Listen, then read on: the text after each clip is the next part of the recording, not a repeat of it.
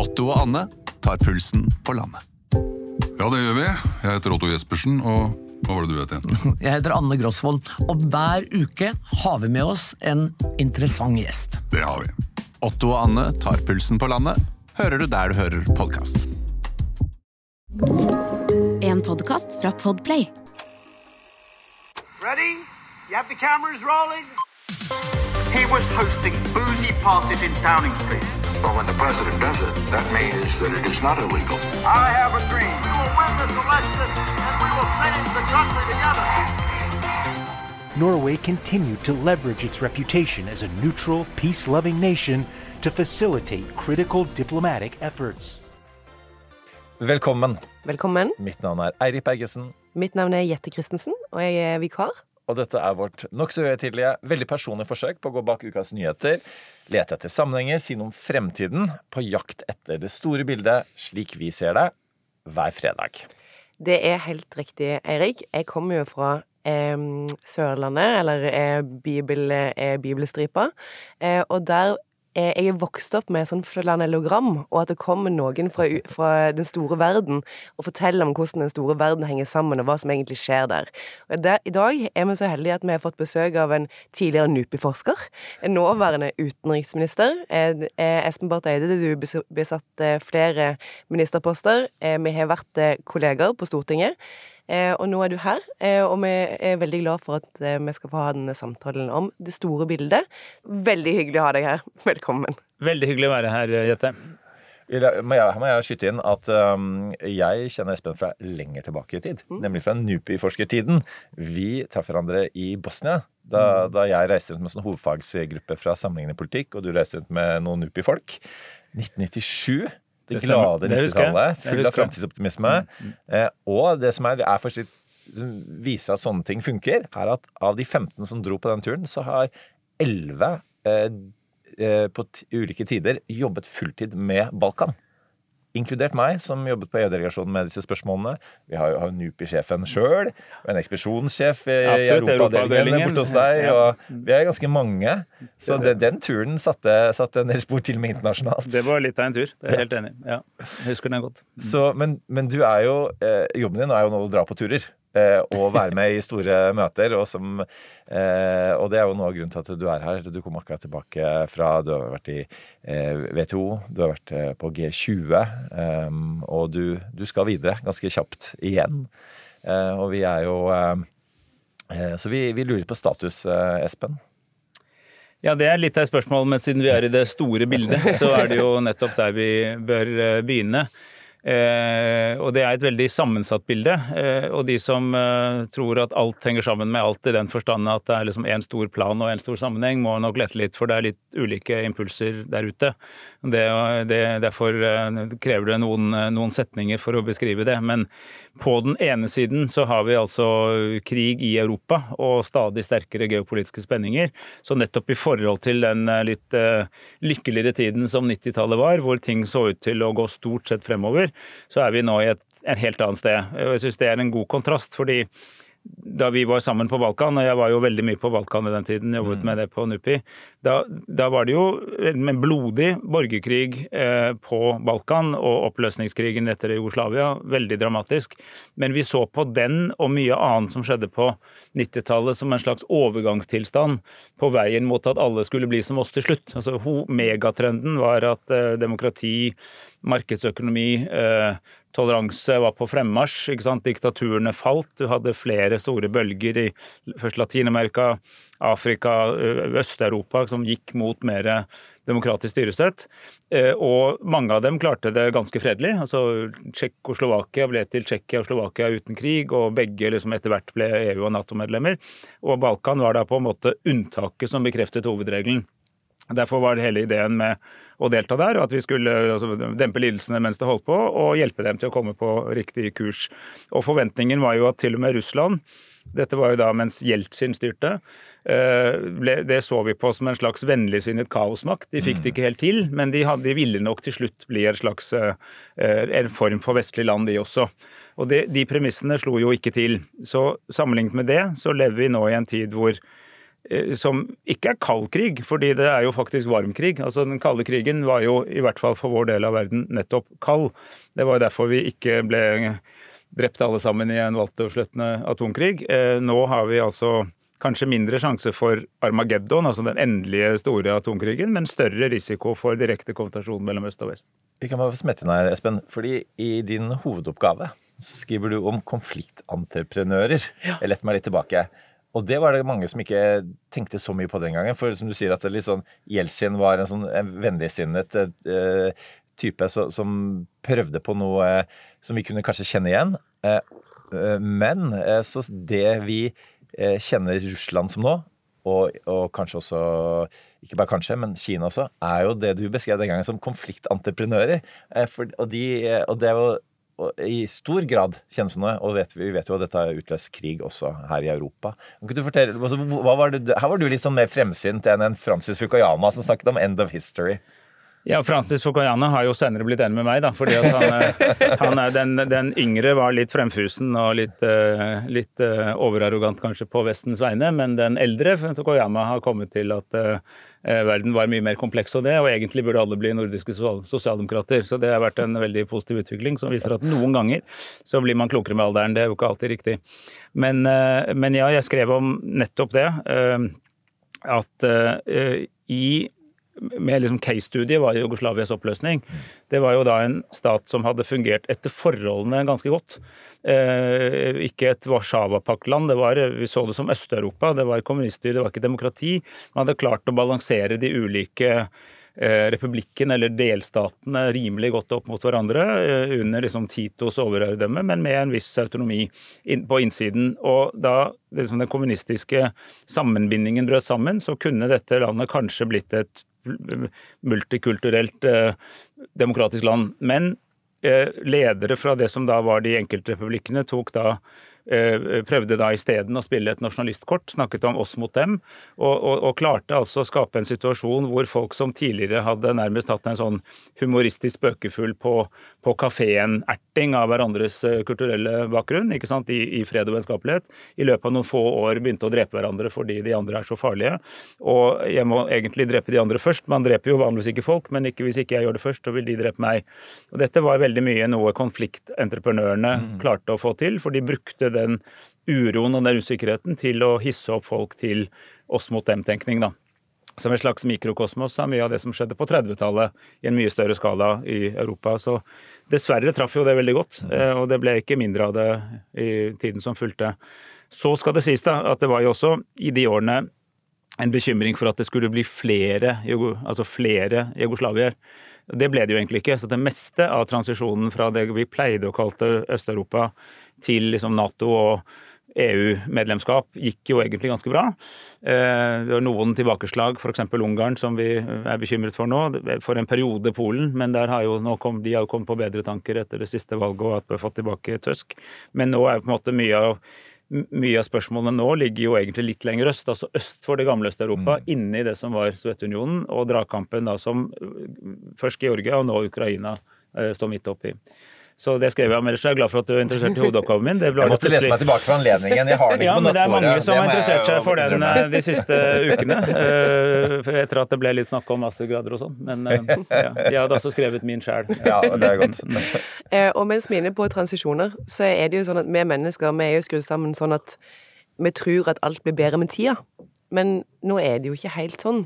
Eh, antall demokrat, demokratier i verden er jo på 1986-nivå de som lever i et liberalt demokrati, sånn som vi gjør, vi representerer 8% av verdens befolkning. Eh, og når du er er ute på disse arenaene, WTO, eh, i München, i, eh, i, FN, i Nato eh, Det mindretallet som vi er i nå. Eh, hvordan blir det diskutert? Eh, fordi eh, du snakka jo om, om den sjøltilliten som man hadde eh, tidligere på demokratiets vegne, og at hvis man ikke er et demokrati, så er det bare fordi at man ikke har råd til det, eller eh, ikke kommet så langt ennå. Mm. Men det at stater bygger ned sine egne demokratiske strukturer, og også forsøker å ommøblere de institusjonene som er der for å sørge for disse rettighetene, FN eksempel. Hvordan er den diskusjonen på de arenaene? Det er en stor eh, bevissthet om at det er akkurat sånn. At verden ikke nødvendigvis eh, blir bedre eh, for tiden. Altså, for det er jo sant, både, både min foreldregenerasjon, altså de som vokste opp tidlig etter annen verdenskrig, de opplevde jo mange tiår med jevn fremgang. Altså både materiell fremgang, men også at i hvert fall innenfor det bredt definerte Vesten, så ble institusjoner mer demokratiske. Likestilling kom inn, toleranse for, for eh, annen seksuell legning. ikke sant? Det, det, det var en generell positiv utvikling gjennom 50-, 60-, 70-tallet inn i 80-tallet. Og så faller Berlinmuren i tillegg, og da opplevde man at liksom, dette gikk helt i overdrive. at Det ble enda mer positiv utvikling, for nå hadde du ikke trusselen om atomvåpen heller. Så, sånn sett har vi jo flere generasjoner som har lagt til grunn at uh, livet blir stadig bedre, og uh, de som kommer etter oss vil få det litt bedre. Men nå, med alt fra demokratisk tilbakegang til klima- og naturkrise, så er det ikke nødvendigvis det som preger opplevelsen. Og da er jo i å se om i, i, de, i de organisasjonene som er mer vestlig natur, da, altså type EU, Europarådet, Nato, driver med helt forskjellige ting, men som på en måte har Mesteparten av medlemmene er demokratier som ønsker å fortsette med det. Så er det jo både spørsmålet spørsmål å konsolidere internt, altså sørge for å ta vare på sin egen demokratiske karakter. fordi Militærkupp er jo gått litt av moten. Det, jeg husker jo fra min barndom og ungdom at det var ganske vanlig i Latin-Amerika f.eks. Det er dessverre noen igjen i Vest-Afrika, men, men det, det er liksom at man kaster styret ved å kjøre tanks inn i presidentpalasset, det er liksom litt over. Men, men det som jo nå skjer, er at du ser en erodering fra innsiden. Altså at folk får makten på lovlig vis, og så reduserer de f.eks. Høyesterett sin betydning gjennom i og for seg flertallsvedtak i parlament, men som likevel undergraver den finstemte balansen mellom eh, altså, lovgivende, utøvende og dømmende makt, som er en viktig del av rettsstaten, som henger veldig nøye sammen med demokratiet. Så det er jo både å konsolidere internt, ta vare på det vi har, men også sørge for at disse ideene fortsetter å spre seg, står opp mot mer sånne autoritære strømninger som vi ser mer og mer av. Det er liksom en, det er en høy bevissthet om at dette er et historisk drama som pågår nå. Jeg spør, Espen, du har vært både forsvarsminister og er nå utenriksminister. eh, Og og for eh, klima og miljø også. ja. Eh, Men, men hvis vi bare tar de litt, sånn litt forskjellige tankegangene i disse to sterke embetsverkene, da, Forsvar og utenriks. Altså, nå eh, hører vi at du, du var skeptisk allerede som, som eh, ung eh, til, til verdens eh, konfliktpotensiale. Men eh, f.eks. det som skjer opp mot Russland, da, så kan man se for seg at, at det er Forsvarsdepartementet litt skept, ekstra skeptiske til, til Russlands eh, trusselen fra Russland, mens eh, Utenriksdepartementet en, en lang periode v- prøvde eh, hardere med folk til folk, eh, handel, eh, og var mer optimistiske til hva man kunne få til sammen med Russland. Hvem var det som eh, hadde rett? Men eh, jeg, jeg, eh, jeg er ikke sikker på om jeg er enig, helt enig i spørsmålet, for å si det sånn, fordi det er jo riktig at Du vil, du vil ikke skape splid mellom de to embetsverkene? Det skjønner jeg. Nei, det er ikke det, fordi jeg er eh, glad i begge to. Jeg har jobbet eh, mange ganger faktisk, begge steder, flere ganger begge steder, så jeg har vært frem og tilbake i de to. Det er jo altså den store franske statsfyrten Raymond Aron skriver at altså, statens to fremste representanter er diplomaten og soldaten. Og, og det er ikke tilfeldig. altså eh, Soldaten, er, jo- eller militærmakten, eh, er da den som kan prosjisere makt, men også beskytte landet eller de du er alliert med mot eh, invasjonen, liksom. Eh, Og i, i, det rommet det skaper av en viss forutsigbarhet, så fungerer diplomaten. Så de to tingene henger sammen, og det er ikke det enten-eller, det må være begge deler. Eh, Jeg husker også, det har vært tidligere eh, det var jo ikke så lenge siden at en amerikansk forsvarsminister under Obama skrev kronikk om at kanskje, kanskje noen av de pengene han fikk til våpen, burde gå til State Department. Fordi eh, han opplevde nå at det var en han som forsvarsminister opplevde en viss ubalanse i ressursbruk. og Det, det, det, det er et godt poeng, da, for å si det sånn. Men, men, men tanken er at som Nato-land, som land som er opptatt av å ha et ryddig forhold til å ta vare på egne grenser og egne interesser, så er det viktig at vi holder kruttet tørt, har et godt forsvar og er en god alliert. Men det er jo nettopp derfor at vi har kunnet drive med det vi gjorde i de litt gladere årene, da, med Barentssamarbeid og Arktissamarbeid og eh, fiskerisamarbeid med Russland. Altså, alt dette har jo vært basert på et utgangspunkt hvor det mer militære og sikkerhetspolitiske skapte klarhet. Det var ingen tvil om det, er- altså, Alle vet hvor grensen mellom Russland og Norge går, både til lands og til havs. For nå har vi også under da, da statsminister Støre var utenriksminister, og jeg var der som statssekretær, så fikk vi også til delelinjen f.eks. I Barentshavet. Det skal vi være veldig glad for nå. Det var så godt diplomati som øker vår sikkerhet, for nå er ikke det noe å krangle om. Det hadde vært veldig ubehagelig nå i 2024 om ikke det allerede var løst. Så de to tingene må henge sammen og skal henge sammen. Men, skal, men du, man skal jo også huske på at eh, omtrent praktisk talt alle kriger i verden slutter med ved et forhandlingsbord. Noen ganger slutter de i en bunker i Berlin, altså at den eh, ene part nedkjempes fullstendig. Men det er, det er liksom unntaket fra regelen. Før eller siden så trenger du diplomati når noe skal avklares. Men militærmakten kan bidra til å skape det, den ønskede utgangsposisjonen for f.eks. sånne forhandlinger. Så det å velge diplomaten eller soldaten, det blir feil. En klok stat må holde seg med begge og bør ha best mulig av begge deler. Så UD har ikke vært bitte litt naiv engang? UD tror jeg ikke har vært naiv. Det er klart, Norge, det er jo det er heller ikke sånn at UD bestemmer selv. Det er jo regjeringer, eh, skiftende regjeringer som bestemmer politikken. Og det har jo vært et ønske om å prøve å f.eks. For å ta et konkret eksempel på det du sier. Vi prøvde i mange år, altså både, eh, både Støre og jeg selv og Børge Brende og Ine Eriksen Søreide, altså fire utenriksministre fra to forskjellige partier, hadde jo alle det felles mål å prøve å skjerme Arktisk råd-samarbeidet eh, mot eh, geopolitikken. Noe vi snakket om i en tidligere utgave av eh, Det store bildet. Det er en måned siden. Eh, s- som var et felles syn at det, det hadde ikke noe å gjøre med hva vi syns om f.eks. oppførselen først i Krim og så Ukraina, men dette skulle prøve å holde litt unna fordi vi trengte det samarbeidet til å dreie seg om det. Så var ikke det mulig lenger etter fullskalainvasjonen for to år siden. Det, er åpenbart. Men jeg mener at i ettertid det var riktig tenkt. Så det var ikke naivt. Det var, altså det hadde vært bra om vi hadde klart det, men så går det en grense for hvor lenge du klarer sånt.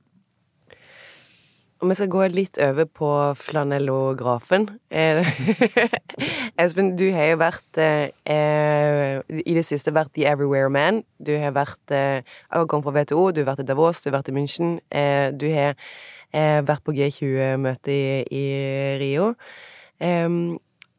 Og jeg skal ikke be deg om å oppsummere alt dette på to minutter, eh, men, men kan du gi oss et inntrykk av eh, hva Norge kan gjøre på disse arenaene eh, eh, i den posisjonen eh, vi har, da? For eksempel WTO. Vi kan jo begynne der, det var jo der det var sist.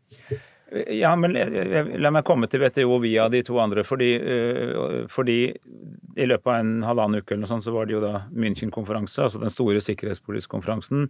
Veldig preget av øh, krigen i Ukraina og en følelse av at øh, akkurat nå går det litt dårligere for Ukraina på landjorda. Det går litt bedre for Ukraina i Svartehavet, som er viktig. Det gir adgang til øh, eksport av både korn og andre ting, men, men de strever på land, og det var det mye snakk om. Og det var jo Zelenskyj President Zelenskyj var der, utenriksminister Kuleba, og vi eh, så, det preget jo München. Men også stadig mer fokus på det som skjer i Gaza, og et, det store spørsmålet om liksom, har vi felles standarder eller ikke. Og så dro jeg til Rio de Janeiro, hvor Norge, som du sa, nå er gjesteland i G20. Det er jo veldig morsomt. da. Det er nemlig slik at eh, de som har presidentskapet i G20 til enhver tid, det har man for ett år, de kan velge noen land som de ønsker å ta med. Det kan være noen land i egen region, eller land de mener har en interessant stemme som de gjerne vil ha med. Og Brasil har da spurt oss, og derfor er vi nå fullt med. altså er, Da er du helt med det året. Det bare det året, men helt med deler i alle prosesser på alle fagfelt som G20 driver med. Og det møtet var interessant fordi der det jo, ble det gjort et ganske ærlig forsøk på å få til en felles diskurs. Her er jo også her er jo Kina, Russland og Sør-Afrika og Brasil og India og Nigeria og sånn også. Og en, en slags felles diskurs om Ukraina og det som skjer i Gaza. Fordi mange land i det globale sør er, med unntak av Russland åpenbart, er egentlig i utgangspunktet litt enig med Vesten når det gjelder Ukraina. Eh, De mener også at invasjon er en fryktelig dårlig idé, og at folkeretten er brutt, og det er Russland som har brutt den. Så Sånn sett så var det i utgangspunktet relativt stor oppslutning om Ukrainas sak mot Russlands sak. Når så Gaza-krigen ble det, dominerende temaet i, i, i nyhetsbildet og internasjonal politikk, så opplevde mange land i sør at Vesten hadde ikke helt de samlede standardene der som de hadde snakket om i, i Russland. Og jeg har jo vært en av de som har sagt at hvis ikke vi hvis ikke vi reagerer på f.eks. brudd på humanitærretten, altså overdreven maktbruk mot sivilbefolkning f.eks. i Gaza, så undergraver vi tilliten til oss selv når vi sier det med rette da, om Ukraina. Så det ble et veldig spennende og viktig bakteppe for det møtet i Rio. Eh, og så var brasilianerne dyktige, for de klarte å, å, bruke første dagen på det møtet til å snakke om det. Og da var det en del uenighet, selvfølgelig, men også en mye enighet. Egentlig mindre polarisert enn jeg hadde fryktet. Og så kunne vi bruke dagen etter til å snakke om hvordan det sto til med de globale fellesinstitusjonene som vi alle trenger. Altså arbeidet med klima og natur, men også verdenshandel osv. Og, så og så var jo da tanken at de av oss som skulle videre til WTO, som da var i denne uken i Abu Dhabi. Det måtte være en liten svipptur gjennom Oslo og så dra videre til Abu Dhabi. Skulle prøve å bidra til at vi nå kunne få litt fremgang i Verdens handelsorganisasjon. Som er en del av den store arkitekturen for eh, geopolitikk. Og det gikk sånn passe bra. Det møtet er ikke helt i mål, det er fortsatt en del ting som utstår. Men, men der ser vi at de etablerte posisjonene er liksom vanskelig å komme ut av, selv om det er en felles enighet om at vi må rydde opp i en, en arkitektur som ikke helt funker. Og det dag én i Rio, mm. eh, det med doble standarder, eh, det er jo eh, noe som vi alle sammen føler, føler på, er, tror jeg. Krigen i Ukraina på bakken er blitt omtalt som krigen mellom autokrati og demokrati, og at den handler om mye mer enn bare Ukraina. Den også handler om vår sikkerhet. Eh, våre menneskerettigheter og våre handelsrettigheter. For mm. hvis man ikke er umiddelbart opptatt av menneskerettigheter, så bør man være opptatt av det, for det er de samme rettighetene som eh, legger til grunn for handelssamarbeid. Eh, og når situasjonen på Gaza er som den er, Eh, og internasjonale aktører, land, institusjoner eh, har fordømt og også erklært at det har vært brudd på folkeretten. Men at lidelsene fremdeles pågår, krigshandlingene pågår allikevel, hva gjør det med tilliten til de institusjonene og inntrykket av at man er et maktesløst vitne til en utvikling man ikke ønsker seg? Det er en hel, helt reell bekymring som mange mennesker har, med rette. fordi eh, altså, begge krigene fortsetter jo.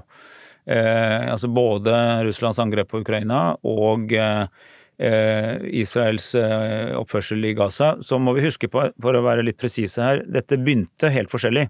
Fordi i, i, Ukraina var det slik at en, en, fri, selvstendig stat som ikke hadde provosert noen, ble angrepet. Først annekterte de Krim for ti år siden, og så fikk de denne fullskalainvasjonen for to år siden. Det er et krystallklart brudd på folkeretten. Det er sånn udiskutabelt at uh, Russland var aggressor. Russland har skylda for det. Det er Russland som har brutt folkeretten. Ukraina har rett til å forsvare seg selv. I tillegg er det slik at en del av måten Russland fører krig på, er også et brudd på det vi kaller humanitærretten, som går på hvordan krig skal føres. Det første er når har du lov? Altså er det lov eller ikke? Det er, hovedregelen er det er forbudt å angripe andre, det er lov å forsvare seg. Eller du kan bruke makt på vegne av FN.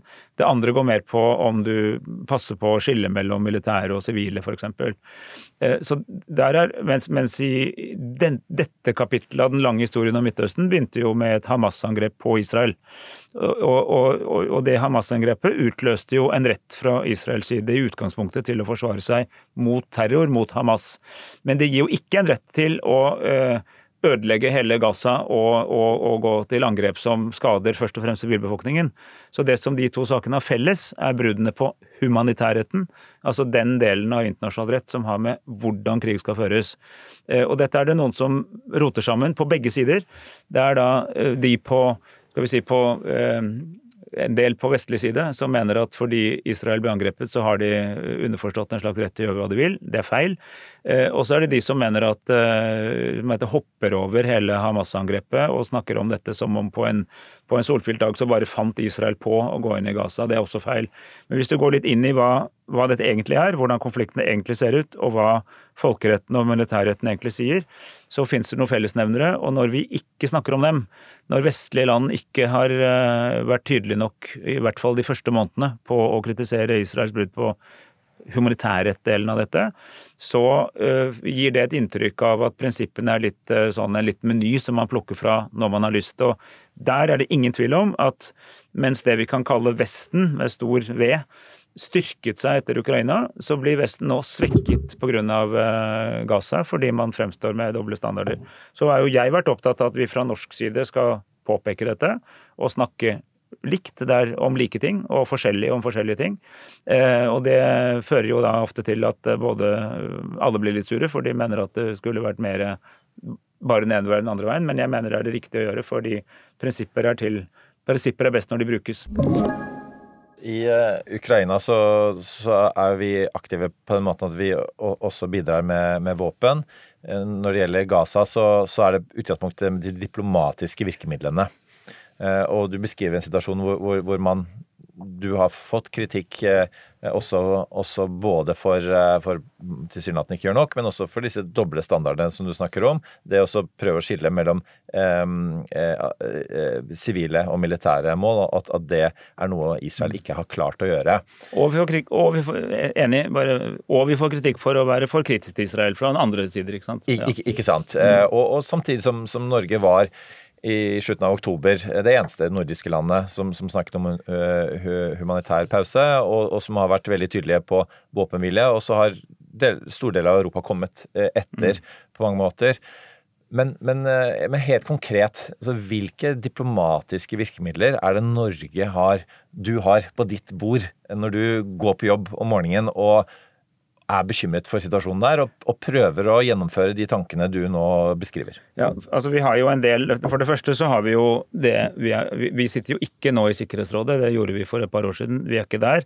Men, men vi kan møte Sikkerhetsrådet, eh, så det har jeg gjort. Og vært veldig tydelig på eh, Men da uten stemmerett, da. Men eh, veldig tydelig på Krigen må stoppe, vi må ha eh, våpenhvile nå. Eh, vi må få mye mer humanitær eh, innsats inn.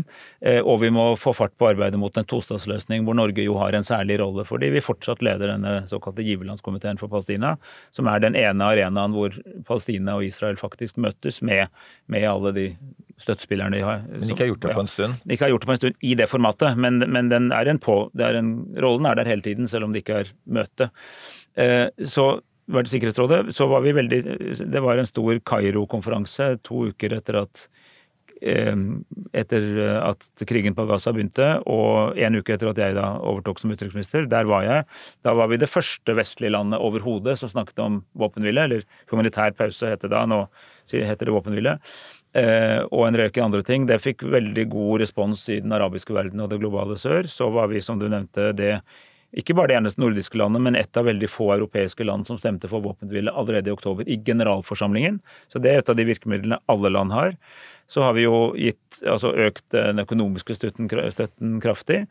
Eh, Så har vi stått veldig i spissen for å opprettholde støtte som heter UNERVA, som er FNs eh, hjelpeorganisasjon for palestinske flyktninger, som mange vestlige land plutselig kuttet støtten til pga. påstander fra Israel om at eh, noen av deres ansatte, hadde, altså UNRWAs ansatte, hadde vært involvert i terrorangrep. Der sa vi at eh, det er alvorlige anklager som må etterforskes til bunns, men, men reaksjonen er jo da mot de menneskene eventuelt, ikke mot liksom hele organisasjonen, alle palestinske flyktninger. For jeg mener at mange av mine vestlige kolleger overreagerte voldsomt. Og så er vi, kanskje det viktigste vi har gjort så langt, er at vi har løst en kjempestor floke som gjorde at palestinske selvstyremyndigheter, som jo fortsatt opererer på Vestbredden og deler av Jerusalem og sånn, de mistet mye av inntektsgrunnlaget sitt, for Israel holdt tilbake mange penger som tilhørte palestinerne, men som da etter Oslo-avtalen samles inn av tekniske grunner av Israel, det er noen skatter og avgifter og sånn, som de ikke fikk. Det, den, det klarte vi å løse, og så er vi nå i et arbeid med en rekke arabiske utenriksministre for å legge opp til hvordan vi fra våpenhvile og økt humanitær støtte kan gå videre til å bygge en palestinsk stat. Så vi sitter midt oppi dette, eh, og det er også litt grunnlaget for at vi gjør det vi gjør, og ikke det vi ikke gjør. Fordi jeg mener at vi har en nøkkelrolle i, i den litt sånn lengre tenkningen. Da mener jeg ikke i mange år, men i månedene som kommer, om de neste skrittene etter våpenhvilen.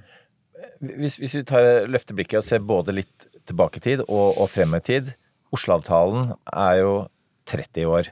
Um, hvordan ville To spørsmål, egentlig. Eh, eh, hva er det ved Oslo-avtalen eh, som fortsatt gjør den aktuell? Og hvordan kunne man ha sett for seg at den burde vært annerledes, og kan være annerledes, for å møte det vi ser fremover nå? Det har jeg jo tenkt mye på, og det er gode spørsmål. Det som er bra med Oslo-avtalen, er hele ideen om at mens man fortsatt ikke hadde endelig løst spørsmålene om flyktningers status, altså alle- de som allerede var flyktninger sin status, de som var i Jordan og, og eh, Libanon og Syria og sånn sin status. Man hadde ikke løst nøyaktig grenser, man var langt på vei, hadde en rammeenighet, men man hadde ikke alle grenser klart. Jerusalem-status og endelig svar på en del sikkerhetsspørsmål, så skulle man likevel bygge en palestinsk stat nedenfra, så man begynte å bygge palestinske institusjoner. Dette har Norge stått i spissen for. Og hatt lederskapet i snart 31 år, med USA og EU eh, som nestledere, på en måte, og, og noen Gulf-land involvert. Litt for få arabiske land som var villige til å bruke ressurser på dette, men noen var det. Men det var mye oss, EU, USA. Eh, Det var en god idé, fordi ofte er det slik at du erklærer en stat, og så er det ikke noe innhold der. For en stat er jo ikke bare stat på kartet, det må jo også ha nettopp institusjoner og rettsstat og lover og regler og politi og søppeltømmere og skolelærere og helsepersonell og sånn. Så man skulle bygge den nedenfra. Det var riktig.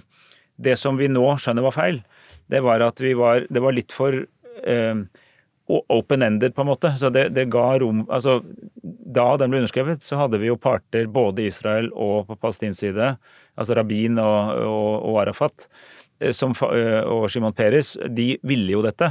Så jeg tror vi kanskje i 90-tallets litt sånn eh, opplyste naivitet, for å si sånn, altså hvor vi trodde at verden gikk fremover, så glemte vi å tenke på at det kunne komme andre krefter. Altså Man, man fakturerte ikke inn faktoren Bibi Netanyahu, f.eks. Så, så man burde kanskje satt noen datoer og krav, eventuelt si at det og det skjer uansett, etter fem år, ti år, eh, samme hvordan dere oppfører dere. Det tror jeg vi skulle gjort om igjen hvis vi kunne spole tilbake. For det ble en mulighet for alltid å utsette dette. Og, og den nåværende statsministeren i Israel, som har jo vært det inn og ut de fleste av årene etter Oslo-avtalen, har jo gjort alt han har kunnet eh, for å snakke om tostatsløsning på internasjonale møter, men så undergrave det i praksis helt systematisk. Så mye at eh, ganske sterke et ganske sterkt inntrykk at han ikke var ukomfortabel med at Hamas bygget seg opp på Gaza. eh, Fordi det på en måte bidro til den palestinske splittelsen, som jo er veldig dyp, som vi ofte glemmer. Men det er altså Du har PLO, Fatah og de som i prinsippet skulle styre hele Palestina, men som har mistet makten i, i Gaza og da styrer eh, Vestbredden. Eh, De ønsker jo en tostatsløsning med Israel. Mens Hamas sitt prosjekt er jo å fjerne Israel. Så de vil ha en enstatsløsning uten Israel. ikke sant? Så den dype splittelsen har da fått vokse fram. Og, og, og det er, skal vi ha selvkritikk på Oslo-avtalen. altså Det er jo ikke bare vår avtale, det er alle som underskrev sin avtale. Men det var kanskje for lite en sånn fasthet i at disse tingene skulle skje uansett. Slik at du da inviterte spoilere til å spoile. Konfliktentreprenører, på en måte. Ikke sant. Ja. Og det å ha eh, tillit, altså eh, blant palestinere og israelere eh, også, det å ha tillit til myndigheter som har svikta deg eh, så lenge, på begge sider, er jo vanskelig. Eh, Troen på politikk som virkemiddel er jo borte. Jeg var i, i Midtøsten og kom hjem eh, dagen før angrepet i Tel Aviv. Eh, og da møtte jeg blant annet en kamerat som bor i Øst-Jerusalem, som har gitt opp all tro på politikk, var tidligere politisk engasjert, eh, har nå begynt å stille til valg internt i familien. Eh, fordi at eh, det er så store familier, eh, og så de, sier de at nei, men istedenfor at systemet skal være sånn at det er alltid den eldste som, skal bestemme uansett, så er det en del eh, Dattera di skal på skolen, mora di er syk, sønnen din er i fengsel. Vi, må, vi er 1500 mennesker her, vi må administrere det, så vi stiller til valg, og hans eh, valgkampsak var å få bort medgiften. Så det å håndtere situasjonen eh, Bare erkjenne at myndighetene kan ikke gjøre noe. Alt er eh, ødelagt. Eh, og da må vi forholde oss til den situasjonen vi har. Det er jo helt eh, Det var eh, ganske hjerteskjærende. Jeg har lyst til å spørre deg, Espen, om forskjellen mellom utenrikspolitikk som virkemiddel for egen, egen støtte hjemme. Men før det er jeg veldig, et veldig kort og enkelt spørsmål, egentlig. Hvordan kan krigene på Gaza og Ukraina eh, ta slutt? Wow. Ja, det var mye klokt i ett spørsmål. Mange, eh, for det, bare ta det første. Det, det- er jo en veldig interessant observasjon at en del steder hvor måtte, myndighetene svikter, så er det jo ikke slik at folk slutter å organisere seg. Og det finnes jo en del land som i praksis er uten et effektivt styrested, men som, hvor en del ting virker, da. Altså, jeg var fascinert av altså, er i hvert fall deler av Somalia men også sånn type Somaliland, som jo ingen anerkjenner som stat, fungerer jo overraskende bra på tross av det. Eh, det er, fordi det er en del sånn selvorganisering. Eh, og, og, det finnes noen sånne flekker på kartet hvor, hvor alternativ organisasjon dukker opp. Da. Eh, det er nok likevel sånn at det er lurt å ha demokrati og rettsstat og effektive hvis du kan velge. Men det er klart at mennesker har en slags evne til å eh, ta vare på sine og sånn. Men problemet med det er jo ofte at det da skaper grupper og klaner som da er i konflikt med andre grupper og klaner og sånn. Så, så eh, noe av skjønnheten i rettsstaten er jo at man slipper å drive med blodhevn og sånn, fordi at du har liksom institusjoner som tar seg av det for deg, så du kan gå videre. altså Familien kan fortsatt ha relasjon til hverandre selv om noen har gjort noe galt og sånn. Så, så det er fortsatt å foretrekke. Men, men eh, når det gjelder eh, altså krigen i Det er jo to helt forskjellige det er ikke ett svar på det. Altså Krigen i, eh, i uh, Ukraina, eller angrepet på Ukraina Ideelt sett så tar det jo slutt når Russland slutter og trekker seg tilbake og skjønner at det var feil. Men uh, i fravær av det så er det jo, mener jeg og vi, at uh, vi må styrke Ukraina slik at de kommer i en betydelig bedre posisjon før eventuelle forhandlinger om, om, om avslutning.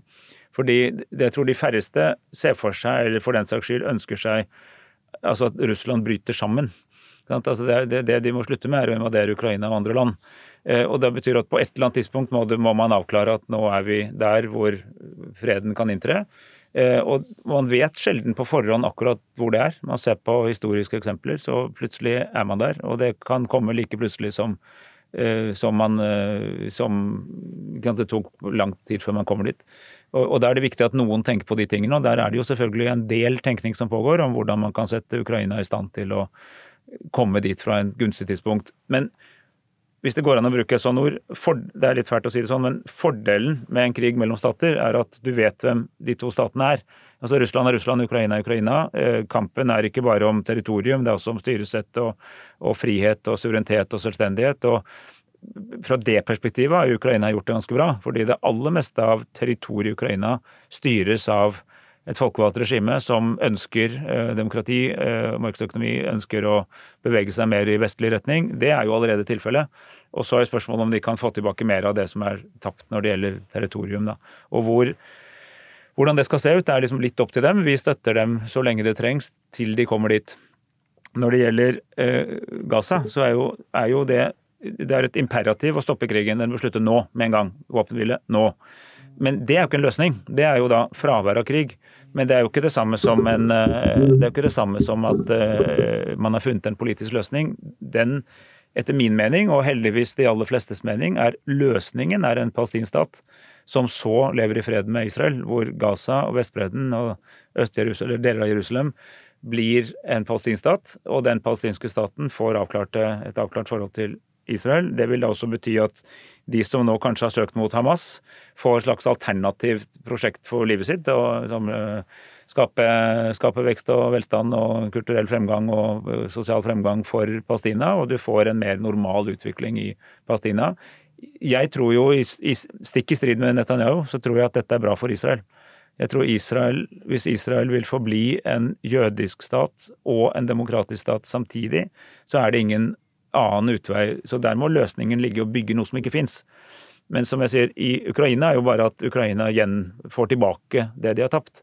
Eh, så, sånn sett er det selv om det er fryktelig vanskelig eh, militært sikkerhetspolitisk, så er det jo på en måte lettere å se for seg løsningen mellom Russland og Ukraina enn, enn i Midtøsten, hvor du må skape noe som ikke finnes i dag, fordi mm. fravær av krig ikke er løsning. Det fine med å ha en podkast som heter Storbildet, er at man kan stille store spørsmål, som Jette akkurat gjorde nå. Ja. Og så beskriver det du beskriver nå, er jo eh, prosesser som vil ta tid. Eh, og så eh, Du nevnte delelinjeavtalen i stad, som tok 30 år. 40 år. 40 år, sant? Ja. Eh, og og, og, du kom fra WTO nå, hvor dere eh, vedtok en sånn en avtale som handler om mer bærekraftig fiskeriforvaltning, ja. og den tok vel ti år? Minst. Ja. Minst. Eh, og, og, ting tar tid i diplomatiet. Eh, og det er ikke alltid eh, vår samtid eh, beredt for å være tålmodig eh, med hensyn til. Men eh, og dessverre så ser vi også at, at eh, WTO eh, sliter bare med å, med å få til avtaler. Eh, Land som USA går litt sånn utenom, og du har TTIP-avtaler osv. Sånn direkteavtaler. Vi har sett eh, tidligere presidenter som, som Trump som ikke er så glad i mellomstatlige organisasjoner. Eh, vi har sett hvordan eh, FN, som, som jo vi eh, er spesielt glad i her, eh, i, i denne delen av verden, og ikke minst i Norge, eh, hvordan de ikke fungerer. eh, eh, Verken for så vidt eh, så veldig godt med Ukraina, men ikke minst i Midtøsten nå. Um, eh, og så ser vi at eh, ja, Norge har funnet ulike grunner til ikke å være med i EU, f.eks., uten at vi skal gå dykke ned i den, espen. Mm. Uh, og så, så har Nato eh, kommet litt sånn uh, uh, eh, har på en måte reist seg eh, og, og, og virkelig lyktes med, med, med å, å forene. Men altså, internasjonale organisasjoner, internasjonale avtaler, det går ikke veldig bra om dagen. Nei, og la meg ta bra stikkord på WTO der, eller Verdens handelsorganisasjon, da, World Trade Organization. Eh, den, den, din Det var bra vi begynte med dette 90-tallsgreia, fordi eh, altså etter annen verdenskrig så opprettet man noe som het GATT, eh, generalativen for eh, eh, toll og, eh, ja, eh, toll og handel, eller toll og tariffer, egentlig, som skulle da redusere tollsatser og sånn. Eh, Den, ble, den var da vestlig. Og så falt den kalde krigen, og så kom vi til midt på 90-tallet, og så opprettet man WTO, en handelsorganisasjon for i prinsippet hele verden. Og som jo ble mer og mer hele verden, fordi at det, det som da var du kan si et forsøk på globalisering innen Vesten åpnet da for globalisering på kloden. Altså egentlig globalisering. Kina ble med, entusiastisk med, faktisk. Og, og store deler av verden gikk inn. 166 medlemmer møtes akkurat nå i Abu Dhabi i, i Verdens handelsorganisasjon land, da fikk man bl.a. til eh, et element av overnasjonalitet også i handel, hvor du innførte en, en eh, tvisteløsningsmekanisme. Så hvis det var strid mellom land om et handelspolitisk spørsmål, så kunne det løses med en tvisteløsningsmekanisme med en appell. Ikke domstol, men en appellordning. Eh, Det, det landet som på en måte fant opp dette, var USA. Det landet som liker det dårligst av alle, er USA. Så det er mitt mest krevende jeg tror jeg kan si her på lufta, det er mitt mest krevende møte av alle i eh, Abu Dhabi var med USA. USAs handelsutsending Catherine Tay. eh, Som, for der tror jeg vi må bare si at eh, det Trump startet, var å sabotere denne ankeorganet ved å ikke, ut, ikke akseptere utnevnelse av nye medlemmer. Slik at Det ble liksom, altså det er litt som om hvis, man ikke, hvis du ikke utnevner folk i Høyesterett etter hvert som de går av eller dør, eller hva de måtte gjøre, eh, så blir jo Høyesterett borte uten at noen har vedtatt å fjerne Høyesterett. Og Det er litt det USA har gjort i WTO. Det begynte under Trump. Men det har ikke endret seg. Eh, Fordi en del av Trumps reaksjon mot at det ble litt mye verdenshandel, og det gikk utover amerikanske arbeidsplasser og amerikanske bedrifter, det har fortsatt under Biden. Så USA har virkelig skiftet plass i, når det gjelder verdenshandel. Mens Kina er nå en Kina og EU og, og mange land i Afrika er nå ivrige tilhenger av et regelbasert verdenshandel, som er det USA opprinnelig ønsket seg. Men det er litt sånn careful what you ask for, fordi at det viste at andre kunne bruke disse institusjonene til sin favør. Og det var ikke helt det USA så for seg, for de etablerte jo det på en tid da de opplevde dette var en prosjisering, en institusjonalisering av amerikansk makt. Og det var Clinton, og det er ganske stor forskjell på Clinton og, og, og Obama og mye av det som har skjedd senere i USA, som vi kanskje overser litt i Norge, fordi vi ser dette som en stor dragkamp mellom Biden og Trump. Det er det jo. Men det er noen megatrender i Kongressen og Senatet og sånn som gjør at USA blir mer proteksjonistisk, mer innelukket egentlig, og mindre entusiastisk for, for internasjonalt samarbeid. Og det kom veldig tydelig til uttrykk i, i WTO. Og det som var veldig interessant, var at hadde jeg noen dager før vært nettopp i Rio hvor vi alle, inkludert eh, USAs veldig dyktige utenriksminister Blinken, var enige om at nå måtte vi prøve å ordne disse tingene her. Og vi, mange av oss sa at eh, første anledning er WTO. Og så kom han til WTO, og så fortsetter de gamle skillelinjene veldig tydelig. Så man opplever jo at verden er et litt nytt sted når du sitter og liksom eh, bonder med Kina på frihandelens eh, fordeler, eh, og, og, må, og, og må da streve kraftig med å få USA med på en eh, tross alt relativt moderat eh, ministeruttalelse. Helt kort om eh, Kina. Eh, Og noen vil kanskje tenke at det ikke var en sånn kjempegod idé at Kina ble med i WTO allikevel, eh, gitt at, at man kanskje tenkte at en handelsliberalisering, økonomisk liberalisering ville føre til en politisk liberalisering, og så så man at, at, det ikke skjedde. Og så har man også den, og den eh, handelskrigen som jo er ganske omfattende, som, som Trump innledet. Eh, Kina svarte. Man er fortsatt eh, midt inne i den. Eh, samtidig som man Handelen mellom de to har aldri vært større. Eh, og så snakker man om en sånn de decoupling, eh, med, med tanke på at man skal prøve ikke gjøre seg for avhengig da, f.eks. Av, av Kina, f.eks. når det gjelder kritisk infrastruktur osv. Um, men, men eh, så det, her er det mange paradokser. Kan du bare kort kommentere Ja. eh, Kinas eh, rolle, for så vidt både i verdenshandelen, men, men også det sikkerhetspolitiske bakteppet her? Nå, er jo litt av problemet, det er, her er det mange komplekser. Et av dem er at det var en del av regelsettet Kina ikke respekterte eh, også. For annet en del av det på, eh, på altså, intellectual property rights, altså, sånn, altså rett til eh, patenter og en del sånt, som gjorde at dette ble litt rotete. Og så er det klart at hele konseptet om å liksom, ha regler for statsstøtte blir litt krevende i Kina. For altså, hvor går grensen for Altså når staten eier det meste, hvor er liksom grensen for statsstøtte? Vi har jo i vårt land, hvor også staten eier mye, så har vi jo organisert det ved at statlig eide selskaper driver forretningsmessig med det vi kaller armlengdes avstand, men, men det er ikke åpenbart at den armlengdes avstand er like til stede i Kina. Så det har jo utfordret systemet litt. Det sagt, så er Kina, Kinas økonomiske vekst er jo veldig knyttet til at de ble en del av verdenshandelen. Altså Kina som en ordentlig kommunistisk stat var jo en dundrende mislykket. Altså Det ble kulturrevolusjon og fattigdom og elendighet. Det er jo liksom det er fra Deng Xiaoping og fremover, når man skjønte at man eh, man skulle ta del i det internasjonale varebyttet, at Kina virkelig har vokst. Og Det er jo litt av det som er USAs problem, at det gikk for bra på en måte for, eh, for Kina. Nå er jo dette med decoupling det er litt godt av moten igjen. Det, var liksom, det er veldig 2023. Eh, nå, det, det, det liksom begynte der, men så har jo da faktisk G7-samarbeidet eh, som jo er måte, som fortsatt er der, selv om vi har G20.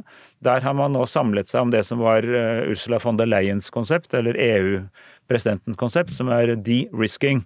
Og Det er det også Norge har lagt seg på, og som egentlig også nå USA fant ut at de måtte gjøre.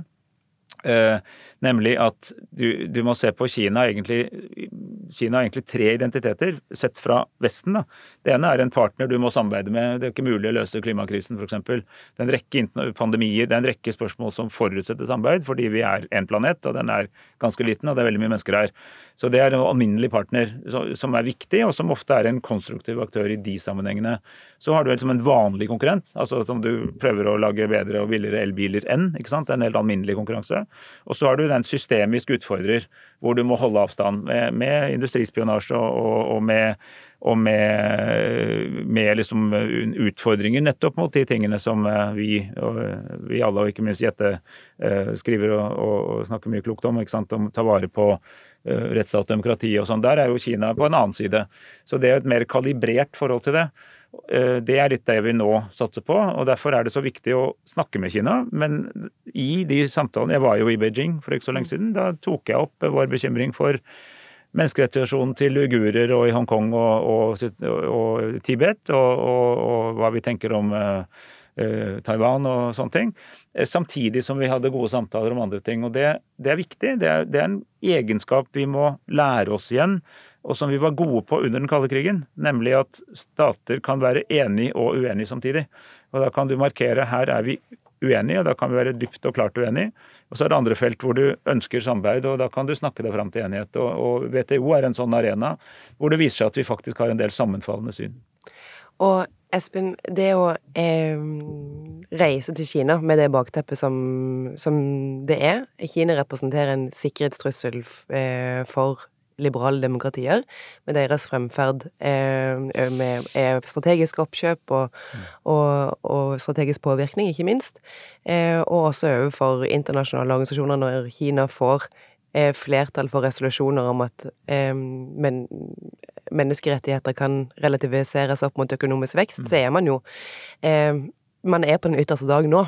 Eh, og det å balansere når du skal dra dit, eller når du har vært der, eh, behovet i din egen opinion hjemme for at du skal si på forhånd før du drar at jeg skal eh, adressere disse og disse og disse menneskerettighetsbruddene når jeg er i Kina, eh, samtidig som du skal føre en samtale der. Mm. det er jo også en balanse, fordi at du er jo utenriksminister og skal være ute og jobbe for norske interesser. Da er jo fordelen å få til noe eh, mens du er der. Og balansen mellom det og det å si hjemme hva du skal si på forhånd, eh, kan ikke alltid bare være eh, enkelt. Nei, det er helt riktig, og den er eh, den, den er det veldig viktig å tenke klok rundt når man er i min rolle, for du skal på en måte snakke til flere publikum, og du skal være konsistent. fordi det, det siste man vil, er jo å liksom uh, si én ting hjemme og noe annet ute. Så du må gjøre ute det du sier du skal hjemme, og du må representere det man er opptatt av hjemme når du er ute. Og du må samtidig sørge for at den dialogen tar oss fremover, ikke bakover. Og det, det, jeg da opplever som, og, og, det som jeg føler fungerte i Kina på det besøket, er å vise til at når vi tar opp menneskerettigheter, så er ikke det ut fra en påstand om at vi har skjønt og dere ikke har skjønt det. Altså det er, vi, vi, gjør det med referanse til universelle standarder og avtaler som vi begge har underskrevet. Altså det, vi har jo hel, en, en, stor rettskilde, egentlig, i internasjonale avtaler også om menneskerettigheter, som uh, Kina og Norge i prinsippet er forpliktet til. Og jeg opplever at det er mye lettere å få en samtale på grunnlag av det enn liksom sånn eh, Vi oppe i nord har forstått dette her, og nå skal vi belære dere. Så det, liksom, det, blir ikke, det blir ikke mindre viktig eller riktig, det blir bare en litt eh, bedre diplomatisk inngang. Og da mener jeg at det går an å ha en samtale om det. Og så er det helt riktig at de, de alltid begynner alle svar på sånne med at hundrevis av millioner mennesker har kommet ut av fattigdom og fått bedre liv sånn sosialt og økonomisk sett. Det er jo helt riktig. Det er det jo helt greit å anerkjenne. Det er jo ingen tvil om at levestandarden i Kina er noe helt annet enn det var for 30 år siden. Men det er jo ikke det samme. Men, men, men, de regler, men, vi, men menneskerettighetene er jo både økonomiske, sosiale, sivile og politiske. Og det er jo summen av dette som må gå opp. Så, så, så det, det, jeg mener at det går å ha en dialog om det, men den bør da skje på riktig måte for at den skal ha effekt. Eh, vi skal straks sende deg ut i verden igjen, eh, Espen. Men jeg kan ikke la være, som USA-mann, og det er for så vidt du også, hvordan Eh, det er mulig at Donald Trump igjen blir president i USA. Han leder på meningsmålingene. Eh, hvis det skjer, eh, og som han i en intens valgkamp har sagt, at han ikke vil forsvare via Nato land som ikke forplikter seg til 2 %-målet til Nato. Det inkluderer foreløpig Norge, selv om veldig mange 18 er vel siste opptelling nå, er i ferd med å gjennomføre dette hvis du da, eh, hvis det, han holder det løftet, eh, og du må sende din ambassadør i DC, kanskje det er det tidligere utenriksminister det også, dit for å snakke han til rette, hvordan gjør man det? Du snakker om at verden snudd, er sånn snudd på hodet, forholdet til USA er litt annerledes. Eh, hvordan angriper man det at USA kanskje ikke følger opp hele poenget med Nato, artikkel 5 ja, jeg tror det blir mange altså det, det, Nå får vi se hvem som vinner, da. Det er jo ikke done deal, selv om det kan gå sånn. Eh, og det forbereder vi oss på, for det er, det er tilstrekkelig sannsynlighet til at det er dumt å ikke bruke tid på å forberede seg på det. Og da har man jo litt erfaring fra sist. Nå skal det sies at Trump 2 blir ikke en kopi av Trump 1, det kan bli mer hardcore, egentlig, fordi de nå mm. har Altså den Maga-siden av replikanerne har nå lært av sine feil, i anførselstegn, altså sett fra sitt sted. Nå skal de bytte ut folkestasjoner mye fortere. De driver og trener opp kadere som er ordentlig ikke da, eh, som de sier, smittet av liksom Washington-psyken og ikke preget av disse globale eh, trendene, men er liksom ordentlig maga. Altså Make America Great Again. og det, det blir, Så det blir en tøffere motpart enn, enn det var sist. For da satt det tross alt en god del folk som man fortsatt kjente, og som du liksom hadde en felles kulturell referanse med i makta. Men samtidig er det jo slik at vi mener jo at det går an å argumentere godt for at det er i amerikansk, ren amerikansk egeninteresse å sørge for at uh, Nato eh, videreføres og fungerer. Og i, i, i, det som heter militærteorien, da, som, som er et viktig underlag for all tenkning om sikkerhetspolitikk, det er jo en hovedformel er vilje ganger evne. Altså du, du, må ha tilstrekkelig vilje og tilstrekkelig evne. Altså Hvis du veldig gjerne vil vinne krigen, men ikke har noe våpen, så hjelper ikke den viljen. Hvis du har null vilje og masse våpen, så hjelper det heller ingenting. Så du må ha begge deler. Og det han jo utfordrer, er viljesiden av dette. Eh, så, så, det er utrolig viktig for Nato at det faktisk oppfattes sånn at det som står på papiret, gjelder i praksis. Så de tingene han sier, er direkte farlige, som Jens Stoltenberg også han har sagt. Men, men, jeg tror at hvis han Nå er han jo på campaign trail, liksom. Så han sitter der i Det hvite hus, så må man liksom gå gjennom resonnementet litt fra scratch. At uh, det er slik at det, det, det lønner seg, altså både økonomisk og politisk på alle måter, at du ikke har krig i Europa hvor eh, nære allierte som er viktige handelspartnere liksom blir invadert av Russland. Det er rett og slett god amerikansk egeninteresse. Så det jeg ser fram til i så fall å ha interessante samtaler om, eh, om det med den administrasjonen. Det funka jo sist, da. De meldte seg jo ikke ut. Og en som kanskje er eh, verdensmester i Trump-håndtering, eh, Jens Stoltenberg, vil jo sikkert være en god rådgiver når vi måtte komme der. Espen Barth Eide, du har sittet på overtid. Tusen, tusen takk for at du kom hit og snakket med oss. Eh, lykke til med viktige oppgaver. Tusen takk for besøket. Veldig fint å være her.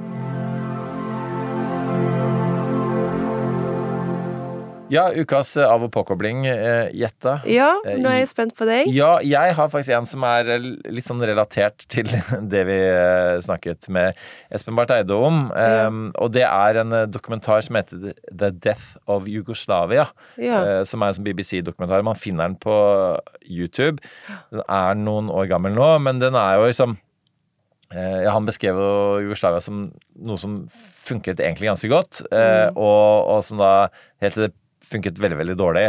Eh, og så fikk man der også en eh, internasjonal avtale, Dayton-avtalen, eh, som som fall gjort at man ikke kriger med hverandre, men, men det, det skjer veldig mye der som, som ikke er bra.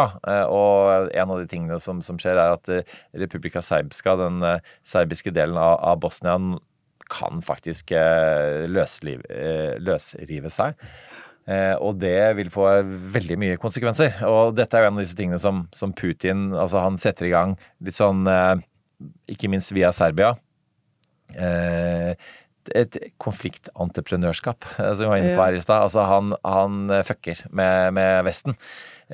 Andre steder i verden. Han gjør det i Nord-Afrika, og han gjør det ikke minst på, på Balkan. Så dette er Det er en lang vei å gå før, før det er fred og og fremgang eh, der, og vi ser dessverre at eh, Serbia nå i disse dager går feil retning. De går mot Russland. De går ikke mot eh, EU og Europa og Vesten. Eh, så det er en, en, en eh, veldig interessant miniserie som, eh, eh, som, som snakker om hva som skjedde den gangen. Um, og Eh, Og så har jeg en annen eh, som er noe litt annet, og det er eh, Mange har nok sett eh, Slow Horses, eh, som er en serie om eh, internasjonal spionasje.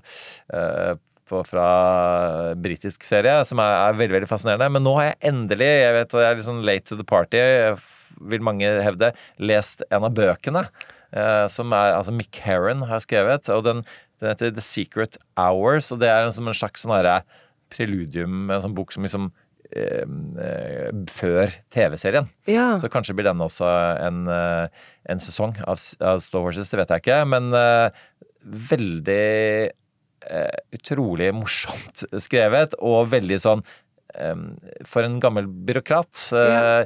Veldig interessant eh, måte å beskrive eh, byråkratiet, eh, og vi snakka mye om diplomatiet her i stad, men altså eh, byråkraters idealisme, da, eh, versus eh, hvor vanskelig det er å få til ting. Eh, vanskelig er det å få til det man prøver å få til, eh, og så vanskelig at man kanskje til slutt eh, slutter å prøve, eh, og ting blir bare byråkrati og prosess og møter og Teams og det hele.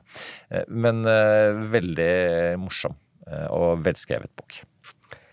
Gøy. Den fikk jeg veldig lyst til å lese. Jeg eh, har påkobla meg eh, med å lese ganske mange ulike antiterrorlover og antipropagandalover.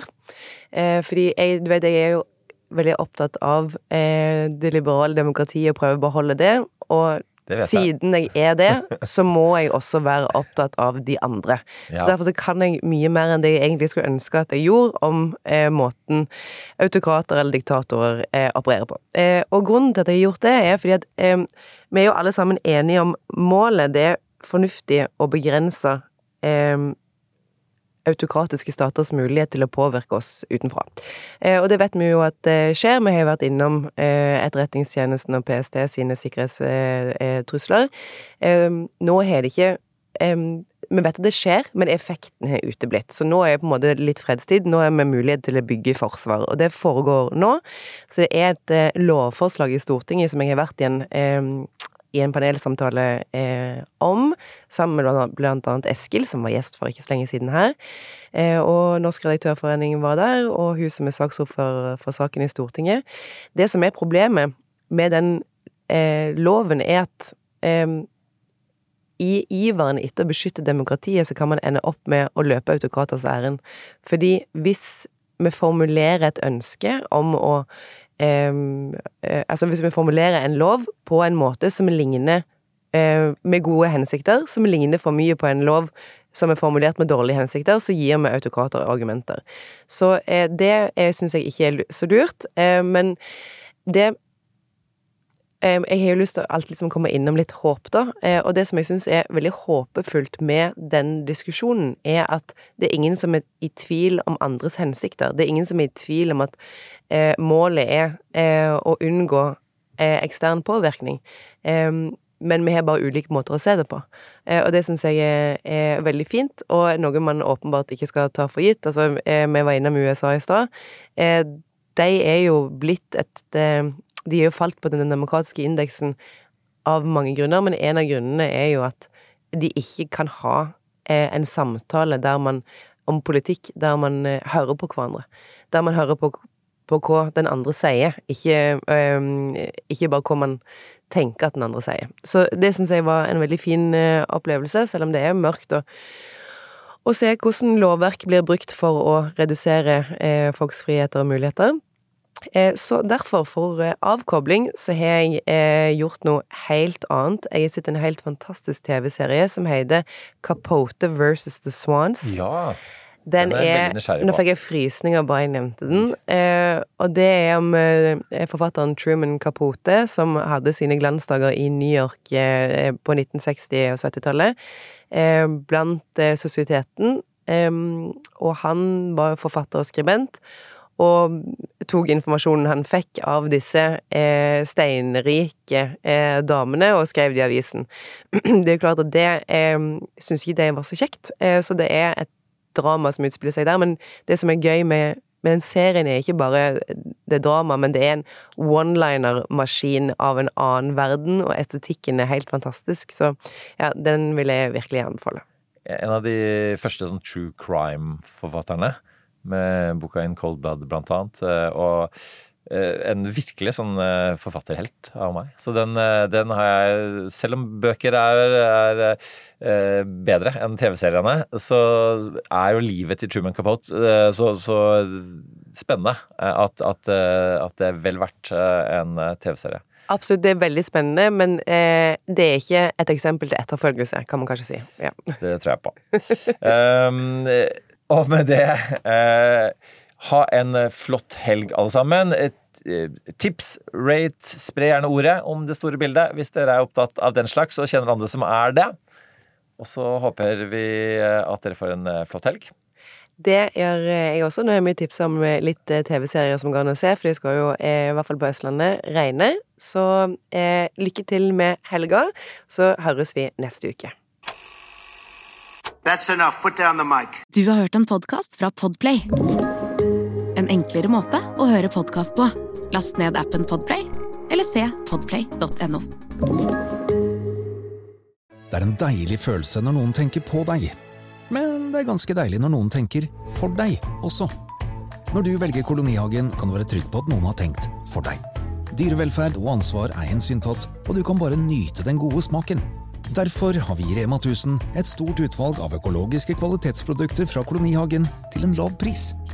Rema 1000 det er sluttsummen på valgene vi tar, som teller.